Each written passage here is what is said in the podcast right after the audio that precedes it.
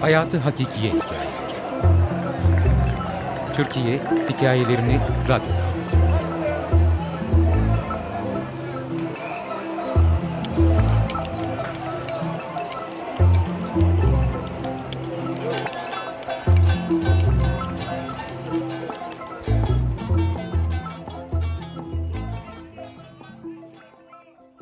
Keşke seninle Barbie oynasaydım.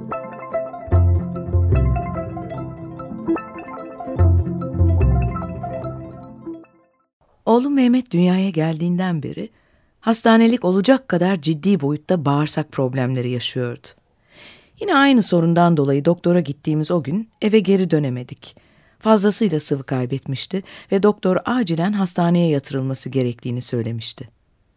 Hastaneye gider gitmez derhal serum bağlanan bebeğimin başucunda otururken bir yandan onun iyileşmesi için dua ediyor, diğer yandan da ertesi gün ondan sadece 16 ay büyük kızım Deniz'in 3. yaş doğum günü kutlamasında belki de yanında olmayacağımı düşünüp üzülüyordum. Mehmet birkaç saat sonra verilen serumun da etkisiyle uykuya daldığında içime az da olsa su serpilmişti. Oğluma en az benim kadar düşkün olan ve bana destek olmak için hastaneye gelen annemle beraber bekleme bölümünde otururken akşam geç saatlerde kızımın yaşlarında kıvır kıvır saçlı bir kız çocuğu babasının kucağında annesiyle içeriye girdi. Belli ki yüksek ateşten yanakları al al olmuş bebeği annesine teslim eden baba giriş işlemlerini yapmak için yanımızdan ayrıldığında biz de anneyle sohbet etmeye başladık. Daha doğrusu ilk olarak anne bize sordu. Geçmiş olsun çocuğunuzun neyi var? Oğlumun doğduğundan beri uğraştığımız bir bağırsak sorunu var. Maalesef sıkça hastanelik oluyoruz. Ya sizin? Bizimkisi de aniden ateşlendi bu gece. Ateşi düşüremeyince apar topar geldik. Konuşmamız bittikten sonra genç kadın kucağındaki çocuğuyla koridorun sonundaki bölüme doğru yönlendiğinde annemle birbirimize baktık ve ne diyeceğimizi bilemedik. Gittiğimiz hastanede daha önce de birkaç kere kaldığımız için yattığımız çocuk katının koridorun sonundaki bölümünün lösemili çocuklar için ayrıldığını biliyorduk. Kat hemşireleriyle konuşurken ufak kıza yakın bir zamanda lösemi teşhisi konduğunu öğrendiğimizde keyfimiz büsbütün kaçmıştı. Sadece ateşi var diyen aile belli ki bu durumu kabullenmiyor, o hastalığı kondurmuyorlardı minicik bebeklerine. Bizim son derece üzüldüğümüzü gören hemşireler, çocuklarda löseminin genel olarak ölüme yol açmadığını, teşhisi takip eden süreçte gerekli tedavilerin uygulanması halinde çoğunlukla kayıp yaşamadıklarını söylediler. Hatta bölümün en eski hemşirelerinden biri, orada bulunduğu yedi yıl müddetince hiçbir ölüm vakasına şahit olmadığını söylediğinde oldukça rahatlamıştık. Sabaha karşı sanki bir şey beni dürttü ve uyandım. Kalktığımda oğlumun serumunun tıkandığını ve damladığını gördüm. Hemşire düğmesine basarak yardım istedim. Gelen hemşire bizim serumla uğraşırken birdenbire yetişin diye bir çığlık koptu. Kimse ne olduğunu anlayamamıştı. Şimdiye kadar hiçbir hastanede görmediğim tarzda tekerlekli kocaman makineler gelip gidiyor. Herkes bir tarafa koşuşturuyor. Her yerden bir ses çıkıyordu.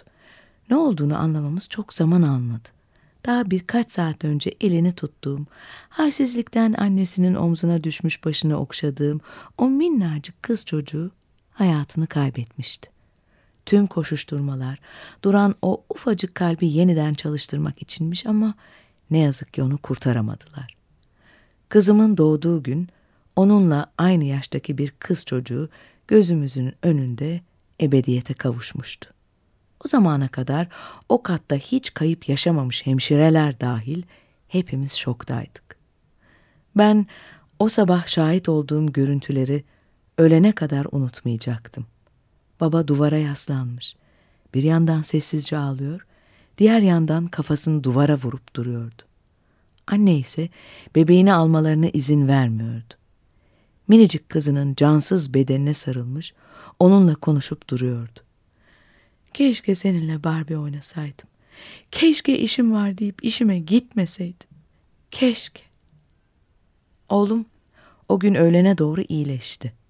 Annem onunla kalacağını söyleyince ben hastaneden çıkıp kızımın doğum gününe gittim. Gittim ama bedenim orada, ruhum bambaşka bir yerdeydi. Ufacık kızıma sıkı sıkı sarıldım. Gözyaşlarım ikimizin de üstünü ıslatırken ben onlarca çocuğun arasında sadece o gün melek olan o kıvırcık saçlı, al yanaklı çocuğu düşündüm, durdum. Bugün kızım 19 yaşında. O bebeğin bakışları ve annenin feryatları halen dün gibi aklımda. Keşke seninle Barbie oynasaydım. Yazar Şehnaz Tuna, editör Deniz Altınay, okuyan Tilbe Saran. Hayatı Hakikiye Hikayeleri Türkiye Hikayelerini Radyo'da